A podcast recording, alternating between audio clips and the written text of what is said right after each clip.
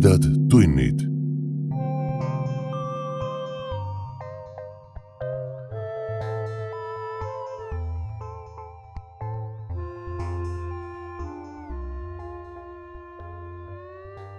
tere, hea ulmesõber.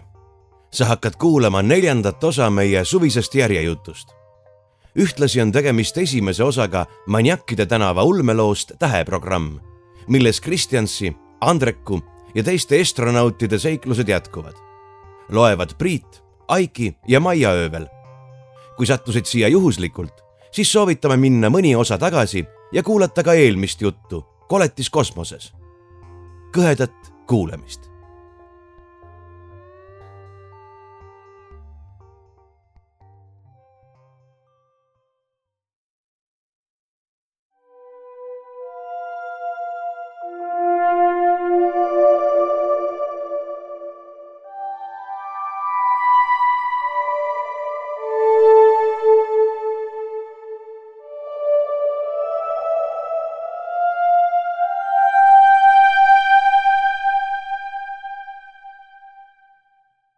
Kristjans Jurmala seisis päikesepaistet ja meretuult nautides päris kolka nina tipus. tema jalge ees kohtusid Läänemere metsikud lained Liivi lahe talitsetud vetega. ta nägi ja kuulis tuult, lainemüha, kajakate kiljeid, silmi pimestavat päikest. ta ei väsinud siin käimisest kunagi. juba mitmesajandat korda oli Kristjans taas Lätis ja ta mõtles, kuhu neist vähestest sihtkohtadest, mis talle ligipääsetavad olid, võiks täna minna. kõigest kõige enam oli Kristjansile muljet avaldanud Jurmala, mille järgi tema sektori kloonid olid oma perekonnanime saanud. ta kinnitas oma silme ees avanenud menüüst valiku ja ümbrus muutus. puudest said majad, meremühast tänavamelu, üksindusest inimmassid tema ümbrus lõi elust kihama. mehed, naised, lapsed, noored, vanad, keskealised, muusika, naer, nutt, jutuvada, hõiked. Kristjans seisis tükk aega lihtsalt tänava ääres ja vaatas endast mõlemas suunas mööda kobrutavat inimjõge. mitte ükski looduse ime ei olnud tema jaoks nii suur, kui oli see inimeste hulk siin tänaval programm, mis tema ümber Lätimaad elustas, oli aastasadu tagasi olnud digitaalne ahvatlusatraktsioon turistidele. nüüd ei olnud enam Lätit ja see Jurmala turismiinfokeskuse loodud virtuaalne voldik oli üks väheseid suuri virtuaalseid reaalsusi, kus Kristjans oma esivanemate maad ja kultuuri sai kogeda. Kristjans lasi end inimvoolust kaasa haarata jalutas mööda virtuaalseid tänavaid ja ta peamiseks mõtteks oli täiesti uskumatu, et selline imetabane maailm hukkus. inimeste hulk, mis temast möödus, oli oimetuks tegev. Jauns Sakumsil, tähelaeval, millel Kristjan sündis, oli keskmiselt ärkvel vaid paar-kolmkümmend inimest korraga, kes hoolitsesid laevasüsteemide ja külmaunes olevate kümnete tuhandete reisijate eest alguses ei osanud Kristjans sellises rahvarohkes paigas liikudagi. hoidis rohkem kõrvaltänavatele ja seinte lähedale. alles ajapikku harjus ta teiste inimeste massilise lähedusega ja hakkas uskuma, et säärases summas on võimalik normaalselt liigelda. Jurmala tänavatel jalutas temast vaid mõnekümne minutiga mööda rohkem inimesi, kui Kristjans oli terve elu jooksul näinud ja siia olid sisse arvestatud nii kodune Jauns Sakums kui eestlaste Estonia ning kõik, keda ta oli hämarikul kohanud. lapsena Jauns Sakumsil virtuaalsuses käies pani ta selle inimhulga arvutigraafika arvele. kuid nüüd, kui ta oli näinud Koidu linna, kus askeldas tuhandeid krüounest äratatud inimesi ja avastanud planeedi tohutut ruumilist avarust, hakkas ta uskuma ka miljonite ja miljardite inimeste võimalikkusesse. Jaun Sakumsi piiratud universumis polnud ruumigi nii palju, et selline inimmass oleks saanud korraga ärkvel olla. planeedil, selles muinasjutulises paigas oli ressurssi piisavalt, et kõigi tähelaevade kõiki inimesi mahutada, toita, katta, pakkuda eluaset ja ikka veel jäi ruumi üle miljardite lisainimeste jaoks. ja mis eriti imeline, maal oli kõik see inimtegevuseks sobiv tohutu ruum täidetud ka hapnikuga. ja kunagi saab see nii olema ka hämarikul. ta astus tänavamuusikutele lähemale ja naeratus ronis vägisi suunurka, kui ta kuulis neid talle juba pähe kulunud lugu alustavat kuid tundis siis äkki ebameeldivat võbelust põlves, nagu oleks keegi sellesse elektrit lasknud. Kristjans astus ehmunult tagasi. ta vaatas maha, kuid ei näinud midagi, mis oleks võinud talle elektrit anda.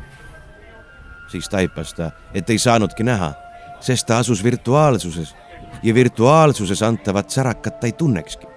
järelikult pidi ta saama säraka päris maailmas kas tema korteris oli juhtunud mingi jama seadmetega? Kristjans hakkas virtuaalprille peast võtma, kui tema tähelepanu tõmbas endale miski, mida ta siin simulatsioonis kunagi varem näinud polnud. Jurmala sinisesse taevasse hakkasid kogunema sünkjad pilved.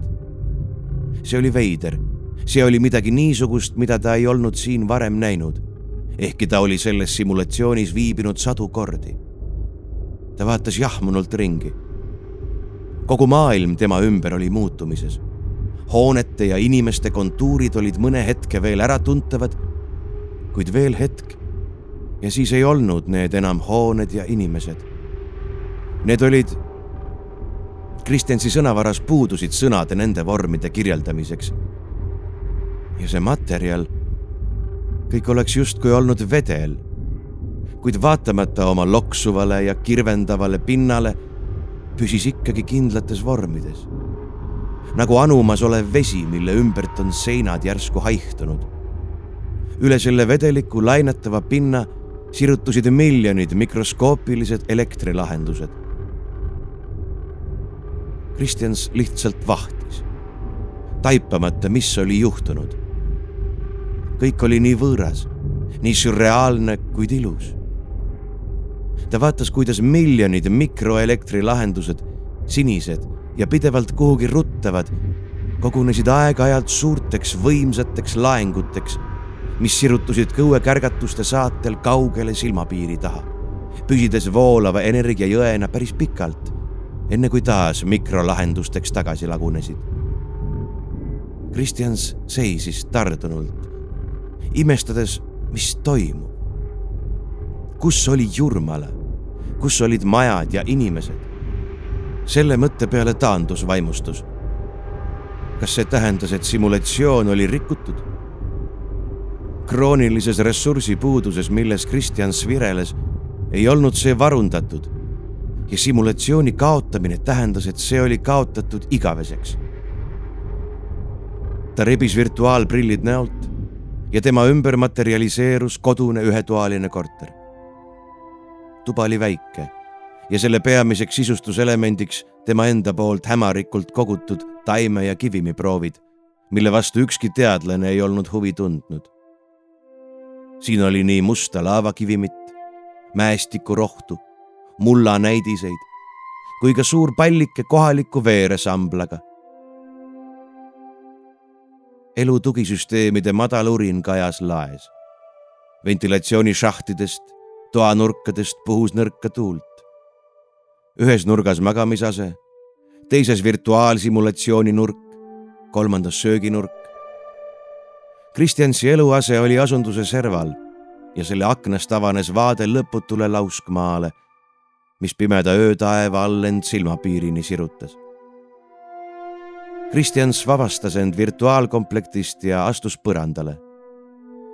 ta oli endast väljas ja unustas seepärast ettevaatuse, mille saatel ta tavaliselt oma toas liikus. seepärast ajas ta üle toa, minnes ümber väikese kivimitest püramiidi.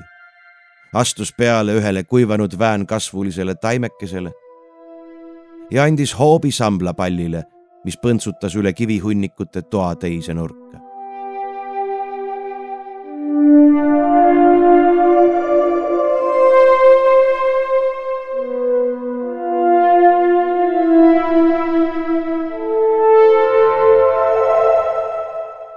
Ma pean Montaga rääkima, mõtles Kristjans. ainus teine elus olev lätlane oli Kristjansile isa eest, sest just Monta laboris ja pipettide läbi oli Kristjans sündinud.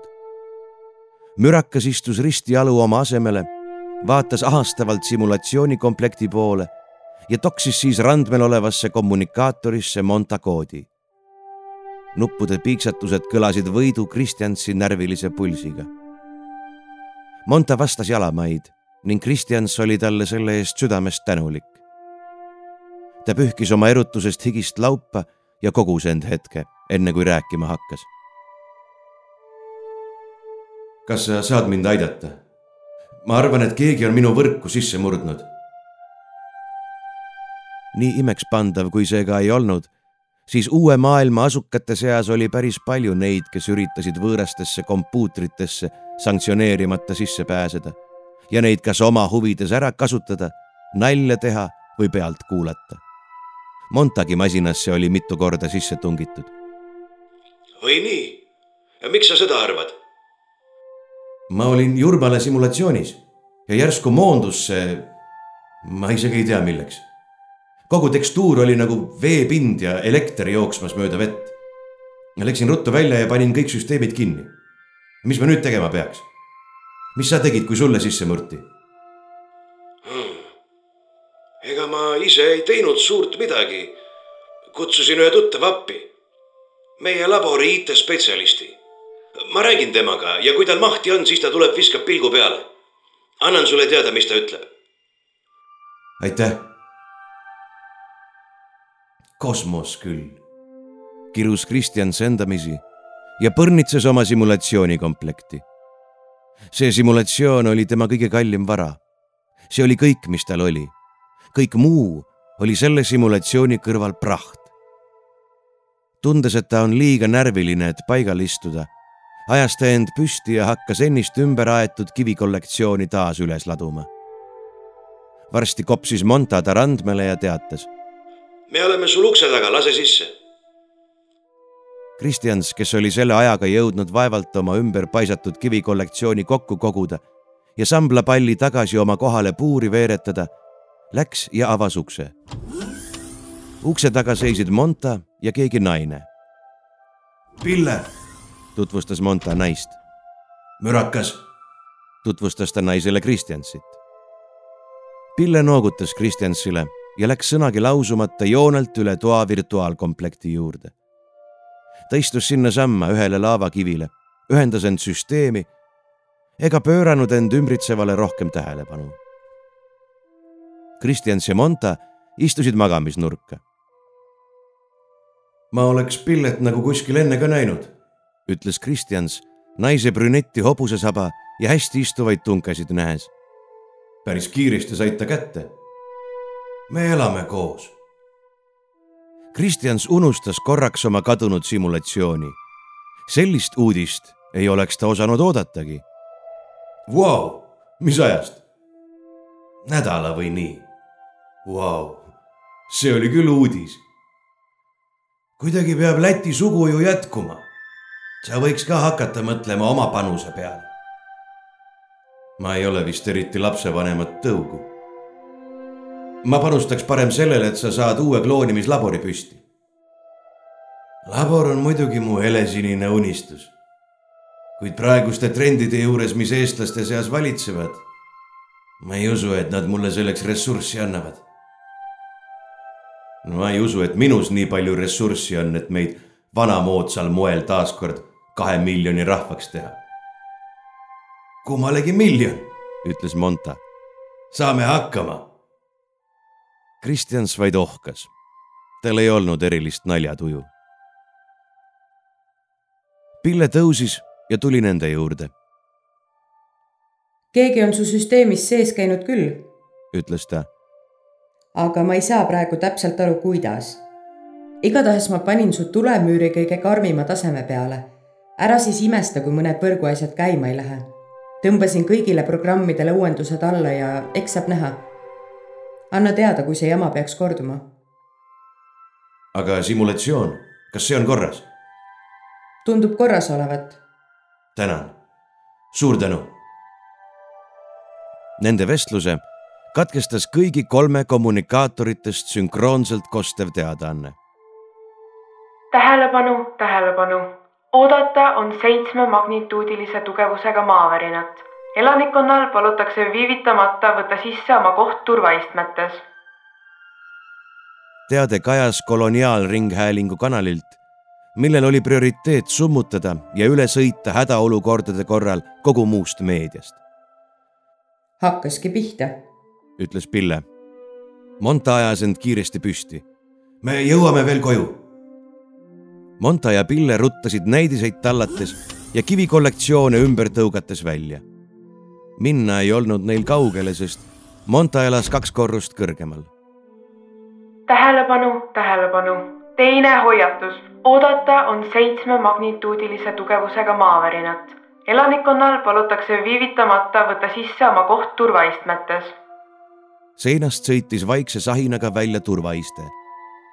Kristjans räntsatas sinna istuma. turvaiste kujutas endast jämedatest metallist torudest konstruktsiooni sees olevat võrguühendusega varustatud istet, mis pidi selles istujat kaitsma võimaliku varingu korral. tähelepanu, tähelepanu, kolmas hoiatus, oodata on seitsme magnituudilise tugevusega maavärinat elanikkonnal palutakse viivitamata võtta sisse oma koht turvaistmetes.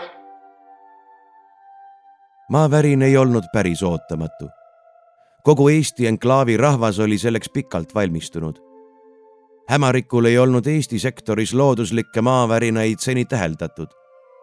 kuid oli üks sündmus, mille puhul teadlased värinat ette ennustasid.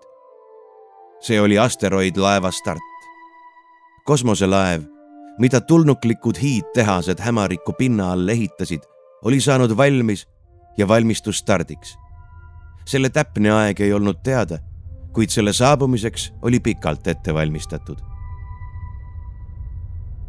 Esimesed tõuked olid ebamäärased, nagu oleks mõni suur masin mööda sõitnud. siis aga raputas nii hullusti, et kõik kinnitamata esemed üle kogu Kristjansi elamise hakkasid liikuma, hüppasid üles ja maandusid seejärel kolina ja mürinaga tagasi põrandale, paiskudes ümber ja laiali. kivid, taimed, kõik põrusid mööda põrandat ringi. Kristjansi hambad lõksatasid kokku nii, et silme eest lõi valgeks. Siis tuli uus ja eelmisest hullem raputus. siis järgmine ja seejärel hoiatas maapind eriti valjusti ja selle järel raksatas kõikjal ümberringi kõrvu lukustavalt Kristjans nägi aknast, kuidas kuskil kaugel silmapiiri tagant tõusis tohutu tolmu ja suitsupilv ning selle sees kerkis midagi suurt ja musta taevasse. see suur ja must oli asteroidlaev, mis kandis endaga kaasas tohutut lasti, kümneid tuhandeid tonne bioloogilist ainet, mille sarnast inimkond veel näinud polnud. või siis olid selles ei olnud teadlased veel kindlad. mitmed uurijad väitsid, et asteroidlaev, mida hämariku põues ehitati, sarnanes väga toonile, asteroidile, mille eest põgenedes olid inimesed üldse hämarikule sattunud. See oli tõstatanud palju küsimusi. kas Tooni oli tõepoolest samuti säärane laev? Tooni oli kandnud bioloogilist lasti. selle kohta olid maal ellu jäänud Estoniale hiljem andmeid saatnud ent kas Tony kandis bioloogilist lasti, mille oli tootnud siinne automaattehas? ja kui, siis mis põhjusel? ja kui, siis kelle tehas see oli? Siiani ei olnud neile küsimustele vastuseid. maapinda raputavad värinad lakkasid. hämarik oli sünnitanud ja teele saatnud oma lapse. ent kuhu ja milleks?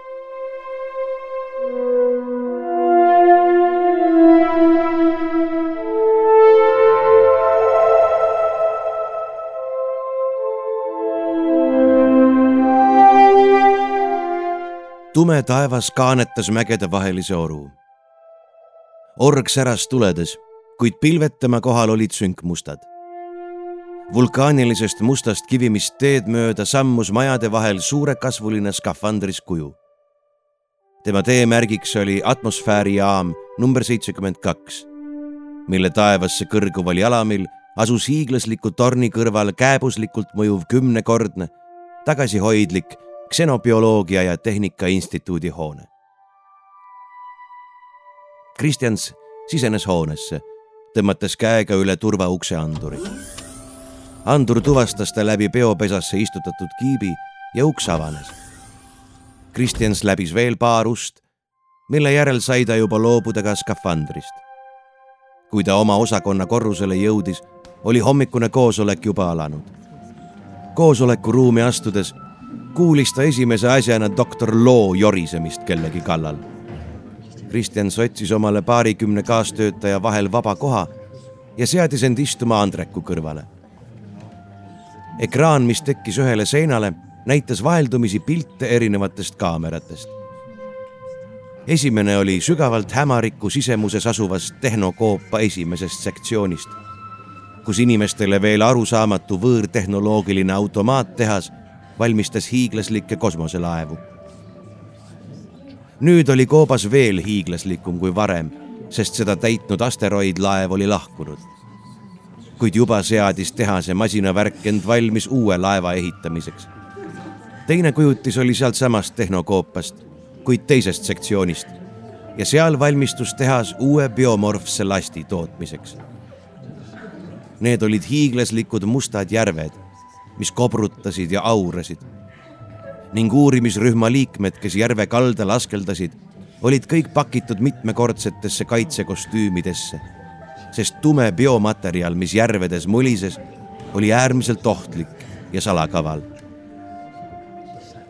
Kristjans kuulas innustunud kaastöötajate mõttevahetust, kuid tema mõtted liikusid simulatsioonis toimunule. Kristjans mõtles murelikult et ta peab leidma tingimata võimaluse luua Lätist varukoopia, sest simulatsiooni kaotus oleks korvamatu. kuid ta oli endiselt mustas nimekirjas ja seega puudusid tal ligipääsud igasugustele ressurssidele. nagu asustusjuht, kes uue planeedi koloniseerimist juhtis, ütles, ta oli oma ressursid kasutanud ära aastaid ette. nüüd oli tema ülesandeks püüda kogukonnale anda tagasi kõik, mis ta raisanud oli, ilma midagi juurde saamata ja lisakulutusi põhjustamata. kuid raskused olid ületamiseks, teadis Kristjans. Andrek müksas teda ribidesse ja kallutas end. ma lähen järgmisest nädalast missioonile.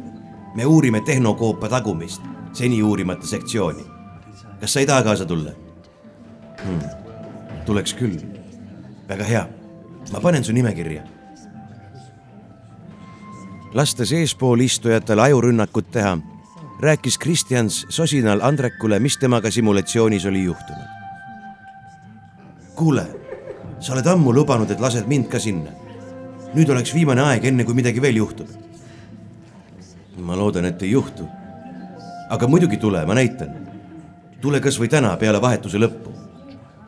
mulle sobib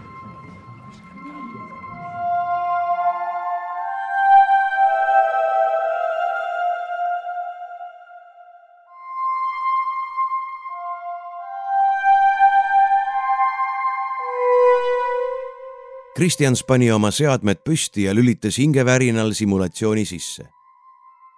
ma kontrollin järgi, kas töötab, ütles ta Andrekule ja pani prillid ette. ilmus kolka nina ja Kristjans ohkas kergendatult.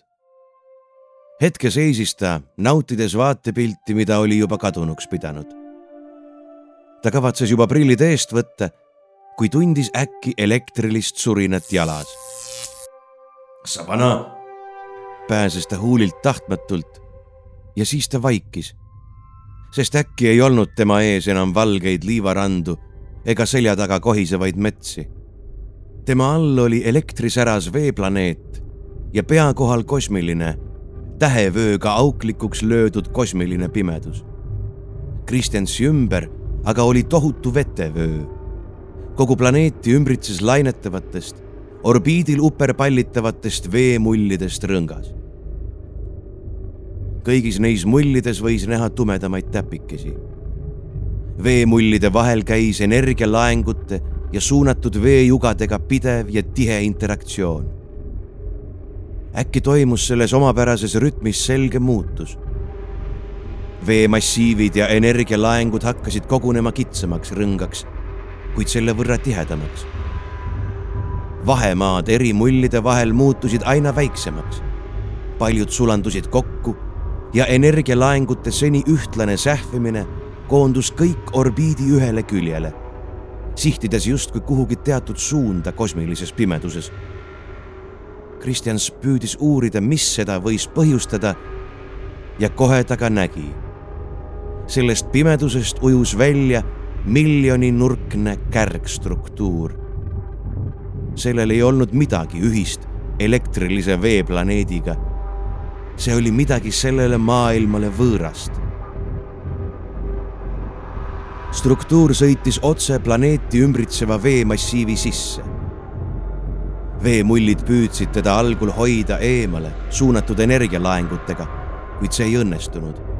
justkui nähtamatu käega juhatati kõik välgud struktuurist eemale. Vesi püüdis aina lähemale tuleva objekti eest eemale tõmmata, vabastades talle orbiidil koha. kuid see suurendas ootamatult kiirust ja sööstis hooga läbi orbitaalse vetevalla. vedelik kobrutas struktuuri ümber ja kõik, mis läbi struktuuri kärgede läks, muutus, moondus ja sellest sai rohekas bioloogiline mass. Asjatult särises sinakas aina nõrgenev energiamöll struktuuri pihta, kuni viimaks tuli planeedilt tohutu võimsusega välgukiir mis kätkes endas terve maailma ookeani võimsust. see tohutu energiavoog suutis viimaks struktuuri kaitse hävitada ja miljonid kärjed aurustusid ning annihileerusid. kuid pimedusest ilmusid juba uued struktuurid ja nüüd ei olnud neid enam mitte üks, vaid neid oli kümneid, seejärel sadu.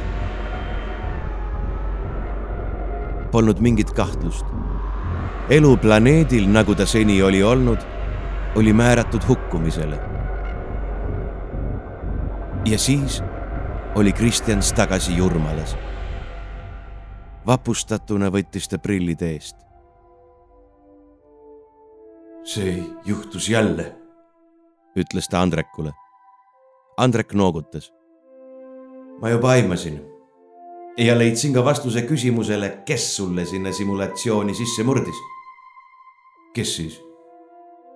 Andrek osutas Sambla pallile, kes oli jälle oma puurist väljas ja seisis liikumatult siinsamas Kristjansi juures. kui sa masina käima panid, siis nikerdas ta oma puuri ukse lahti, veeres sinu juurde ja andis masinale surakat. sammal Nad vaatasid süütu olemisega pallikest. see polnud seda nägugi, nagu tahaks ta inimestega mingit tegemist teha.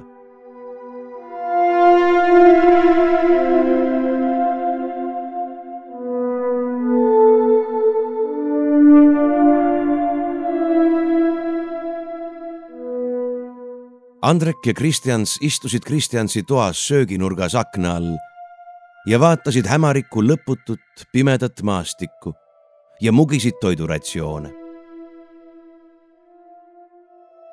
päris kindel, et see on seotud hämariku minevikuga. Nad mõlemad vaatasid nurgas oleva samblapalli poole. selge on see, et see sammal on sellega seotud. Nad ei ole niisama taimed. Nad mõlemad mõtlesid ühte ja sedasama arvad, et me tapsime maabudes mõistuslikku eluvormi? tuhandete kaupa. Andrek kehitas närviliselt õlgu. igatahes tapsime me midagi enamat kui umbrohtu. ei tekita just head tunnet. ei tekita. huvitav, mis nad on? Hämarikul varem valitsenud tsivilisatsiooni ajud või robotid või tehisintellektid igatahes ei ole nad mingi primitiivne eluvorm, keda võiks leegiheitjatega hävitada ja pärast puhta südametunnistusega magada mm. -hmm. Nad mõlemad meenutasid kolonisatsiooni alguspäevi, kui nende igapäevane ülesanne oli sammalt hävitada. Ma loodan, et kui nad on mõistusega asjad, siis on neil väga halb mälu, pomises viimaks Andrek. loodetavasti ei ole neil ühismälu, sest nendest, kes meie kätte jäid, ei pääsenud küll ükski eluga mm. -hmm. teisest küljest, ütles Kristjans kas see, mis hävitas Jaunum Sakumsi, polnud ka mitte samblapallide töö? Siis võib isegi öelda, et nad ise alustasid. see ei ole väga pädev argument, arvas Andrek. Neil oli põhjust võõraid karta. pealegi ei pruukinud see värk olla üldse enam nende kontrolli all. mingi sõjarelikt, masin, millele oli antud käsk rünnata kõike võõrast ja kuna käsu andjad olid hukkunud või pole enam võimelised kosmosega suhtlema, siis autonoomne ja surmav mm. -hmm.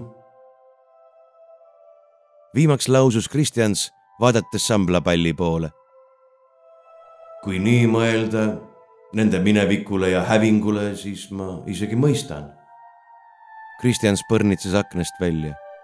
et see, mis toimus Jaunumsi pardal, oli, kui asetada end nüüd sambla kohale ainuvõimalik ja hädavajalik ja meeleheitlik käik. Et see ei olnud mingi mõttetu hävinguaktsioon, vaid lihtsalt püüd end kaitsta järjekordsete tulnukate eest, kes tulevad tegema kes teab mida. Andrek noogutas. kui seda asja nii vaadata, siis küll. ma pean sellest doktor Loole rääkima. ta saadab su kuu peale tule siis kaasa nagu veidi autoriteetsem isik mm.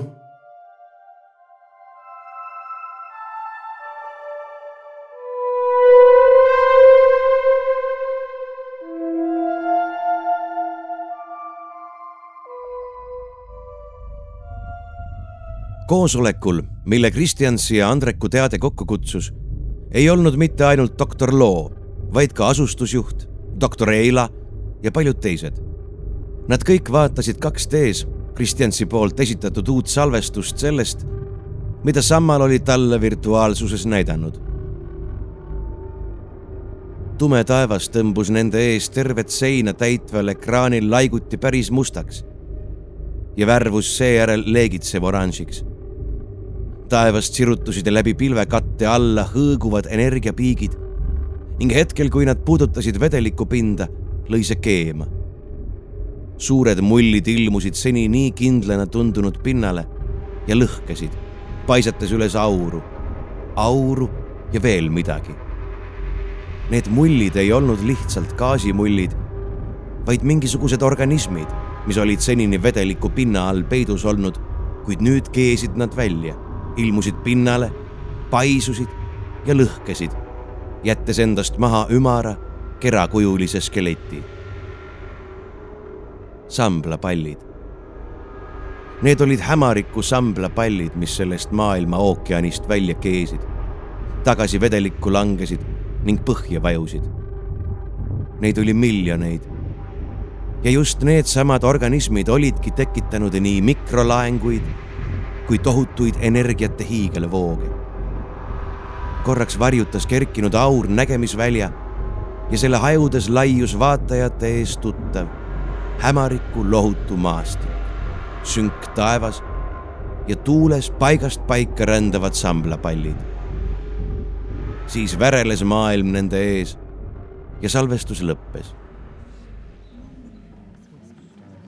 üks asi on selge, ütles Kristjans. Me peame oma poliitika nende suhtes üle vaatama. Nad on mõistuslikud tsivilisatsiooni järeltulijad ja mine tea, ehk on ka praegu neil oma tsivilisatsioon. ma ei nimetaks neid enam samblaks, pigem sfäärikud. nõusolek ja hämmeldus rippusid kokkutulnute seas selgelt õhus. esimene, kes oma arvamust avaldas, oli doktor Loo.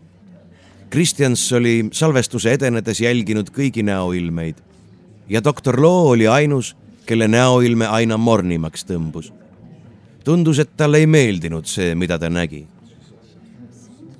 Nad ei ole mõistuslikud, nad on sammal. Kristjans üllatus. pärast nii ilmset tõendit ei oodanud ta sellist vastust. aga sa ju ise nägid. see ei ole mingi tõestus. arukus ei ole võime mingeid pilte edastada. seda suudab iga andmekandja. Doktor Loo nägu oli nagu vulkaan, kivine ja tema silmades kobrutas sulalaava. doktor Loo pani käed rinnal risti. nii et sa väidad, et nad ei ole arukad? jah, väidan, kuni see pole teaduslikult tõestatud. Kristjan surus huuled kokku, kuid pidi tunnistama, et sellise nurga alt oli lool õigus. üksainus video ei tõestanud midagi. Hüpotees vajas sügavamaid uuringuid. sellele ei saanud vastu vaielda olgu, see on argument. siis peab järelikult teadusrühma looma. nüüd võttis sõna asustusjuht. meil ei ole uue rühma jaoks ressurssi. Kristjans üllatus taas. kogu vaatamise aja oli asustusjuhi näoilme väljendanud üllatust, vaimustust, kaasaelamist. Kuid niipea, kui doktor Loo suu avas, kadus see kõik asustusjuhi näolt nagu pühitult temagi nägu vajus kiviseks ja kinniseks. Kristjans vaatas neid kahte vaikides. ta sai aru, et need mehed ei kavatse millegipärast järgi anda. kuid ka tema ei kavatsenud. Kristjans vaatas abi otsides teiste seas ringi, kuid kõik vaikisid. keegi ei tahtnud nende kahe mehega vastakuti minna. Siis peab selle koostama kas või vabatahtlikkuse alusel ja vabatahtlikelt kogutud vahenditest, ütles Kristjans. ma tahan näha, mida nad selle peale ütlevad, mõtles ta. Nad ei saa vabatahtlikku tegevust mitte kuidagi takistada, kui nad just ei taha ennast lolliks teha või üle oma võimupiiride astuda. doktor Loo ja asustusjuht said sellest suurepäraselt aru ning kõik kolm põrnitsesid üksteist pikalt. olgu ütles asustusjuht viimaks. hobitegevuse korras, palun väga, kiidan heaks ja toetan moraalselt, kuni see su põhitööd ei sega. hästi, ütles Kristjans, kuigi ta teadis, et see tähendas sisuliselt kogu loo kalevi alla lükkamist. ta ei teadnud kedagi, kellel oleks võimalusi üle. Kindlasti teadis seda ka asustusjuht ning sellele need kaks ka lootsid. miks? mõtles Kristjans maha istudes. mis oli põhjus, miks need kaks meest nii selgelt sfäärikute vastu olid? või olid nad vastu lihtsalt seepärast, et see oli tema, kes sfäärikutega esmakontakti sai?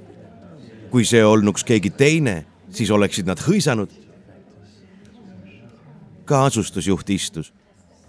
Kuid doktor Loo kõndis ekraanseina ette, pani käed rinnale risti ja vaatas oma leegitsevate silmadega auditooriumi poole. hoolimata Kristjansi rutakatest valejäreldustest on see, mida me nägime, siiski oluline materjal. ja siin on minu meelest üks väga oluline koht järelemõtlemiseks. kui inimkond ei taha homset päeva elada ülehomsele mõtlemata, vaid kui jutt on tõesti kestmajäämisest, siis peame me oma senise tegevuse ümber mõtestama ta vaatas tõsiselt ringi. me ei saa rahulduda saavutatuga, vaid peame minema edasi, veelgi kaugemale kosmosesse. see, mis juhtus nii-öelda eile Maaga ja üleeile Hämarikuga, veel enne inimese tulekut, see näitab selgelt, me ei saa loota ühele-kahele planeedile. Kui tahame liigina püsima jääda, siis peame mõtlema märksa suuremates mastaapides. hämarik ei saa olla inimese sihtpunkt. hämarik on alles esimene vahepeatus meie püsimajäämise teel. ja arvestades, et need struktuurid on endiselt siin, et nad on hävitanud juba nii maa kui hämariku, tähendab, et me peame täna hämarikku koloniseerides planeerima oma järgmisi samme mitte ainult selle planeedi, vaid ka edaspidiseks linnutee hõivamiseks mm pomises asustusjuht, kes oli samuti sellest avaldusest veidi hämmeldunud. kuidas sa, Tambet, seda täpselt silmas pead? ma arvan ikka, et meie esimene küsimus siin ei ole mitte nüüd galaktika alistamine, vaid see, kuidas kosmosepäralt me nüüd siinsamas hämarikul edasi tegutsema peaksime. Doktor Loo ajas selja sirgemaks ja tõstis lõua kõrgemale. see, kuidas me siin edasi tegutseme, peabki olema seotud galaktika alistamisega. see tehas, mis toodab asteroidlaevu me peame muutma oma uurimissuundi sellel alal. auditoorium hakkas sosistama ja mõmisema. keegi ei saanud aru, millest see loo nüüd räägib. Muutuma, mis suunas? küsis keegi. meie esimene ülesanne ei ole mitte teha kindlaks, kuidas asteroidlaevu luuakse ja kuhu saadetakse, vaid meie esimene ülesanne peab olema see, et last, mida nad laiali veavad, see peab olema inimene, mitte aga see, mida nad praegu laiali veavad.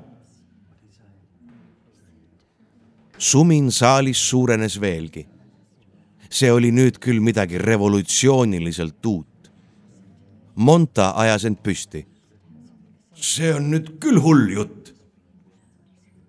inimene ei elaks iial üle seda meeletut kiirendust, mille all need laevad stardivad me peaksime siiski suutma pigem laevu kohandada ja muuta inimesele sobivaks.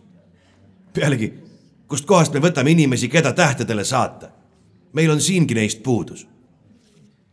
kuid doktor Lood see ei kõigutanud. ei, see võtab liialt aega.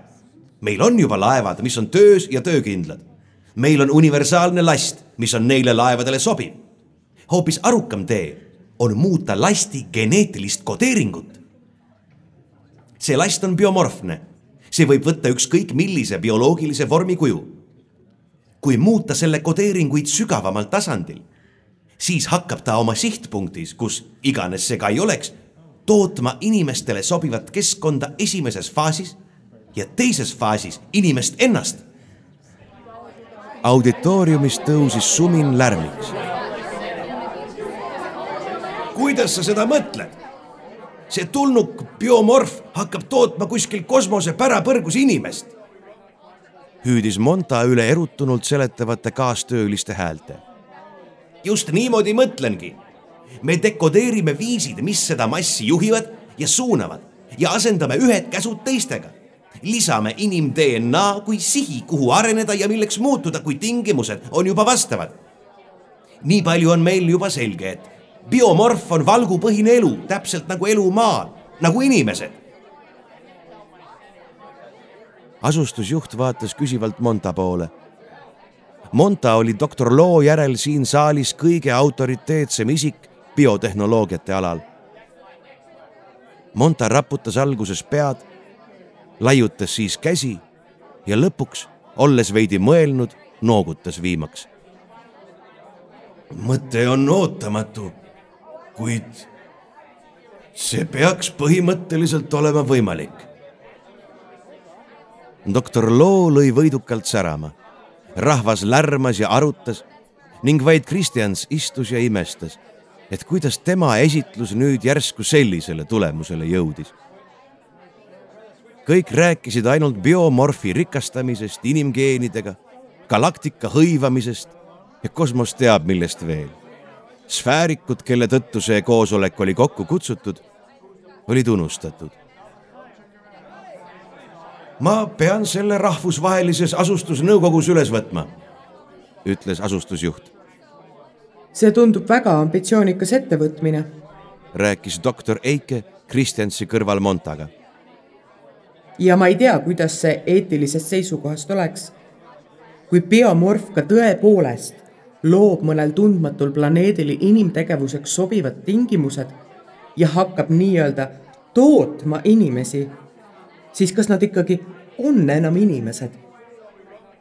ma mõtlen kultuuriliselt ja mõtlemisviisidelt. Kui me peaksime nendega kunagi tulevikus kohtuma, siis kas me saame neist enam aru? kas me jagame enam samu inimlikke väärtusi? juhul kui mitte siis muutub kogu selline galaktika asustamise viis küsitavaks. eesmärk on ju inimkonna surematus kuid kui need inimesed on inimesed vaid bioloogiliselt, ent neil puudub vähimgi eetiline, esteetiline, kultuuriline ja üleüldse mõtteviisilt mingisugunegi sarnasus meiega, see on maa kultuuripärandi kandjatega, siis kas nad on ikkagi meie mõistes inimesed? me paneme neile kultuuri kaasa, ütles Monta. me paneme neile kaasa maa kogu kultuurilise pärandi, mis meil on. ja loome robotsüsteemid, mis hakkavad neid vastlooduid virtuaalkeskkondades õpetama. lisas Andrek, kes oli sama õhevil kui kõik teised. Need süsteemid on meil juba põhimõtteliselt olemas, vajavad vaid väikest kohandamist. kuulake ometi ennast kas see kõlab nagu plaan, mis võiks töötada? küsis Kristjans kannatust kaotades valjult üle saali. On meil veel mingit muud asjalikku plaani? küsis doktor Loo üleolevalt vastu. mõelge sellele, et need sinu struktuurid tulid kuskilt ja läksid kuhugi. hämarik on tootnud neid asteroidlaevu kosmos teab kui kaua ja mööda linnuteed laiali saatnud arvad, et kui need struktuurid ühel hetkel avastavad, et me siin nende kosmosetehases ringi surgime, siis noogutavad nad heatahtlikult ja ei võta selles suhtes midagi ette. Ei tundu, et nad tunneksid võõrmõistusliku eluga kohtudes erilist aukartust ja soovi astuda heanaaberlikku kontakti. ma olen päris kindel, et nad püüavad pigem tegeleda väikese koristustööga. jah, otsustatud, lausus asustusjuht ma võtan selle teema rahvusvahelises asustusnõukogus üles. kui me selle suuna valime, siis see ei saa olla vaid Eesti enklaavi otsus. Me peame looma rahvusvahelise meeskonna ja kõik enklaavid peavad andma meile selleks osa oma ressurssidest. poliitika jätan ma sinu hooleks, ütles doktor Loo. aga töörühma juhtimist tahan ma endale. tee see neile üheselt selgeks, see on meie avastus. seda öeldes ei vaadanud doktor Loo isegi mitte Kristjansi poole.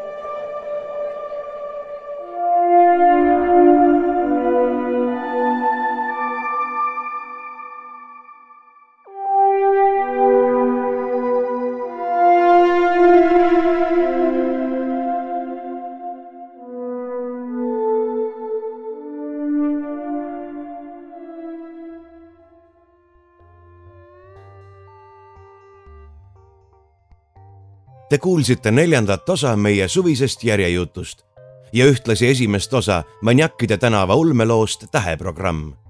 järgmine osa täpselt nädala pärast. kui sa ei malda nii kaua oodata, mine lehele patreon.com kaldkriips tumedad tunnid ja kuula tervet juttu juba praegu. kõhedate kuulmisteni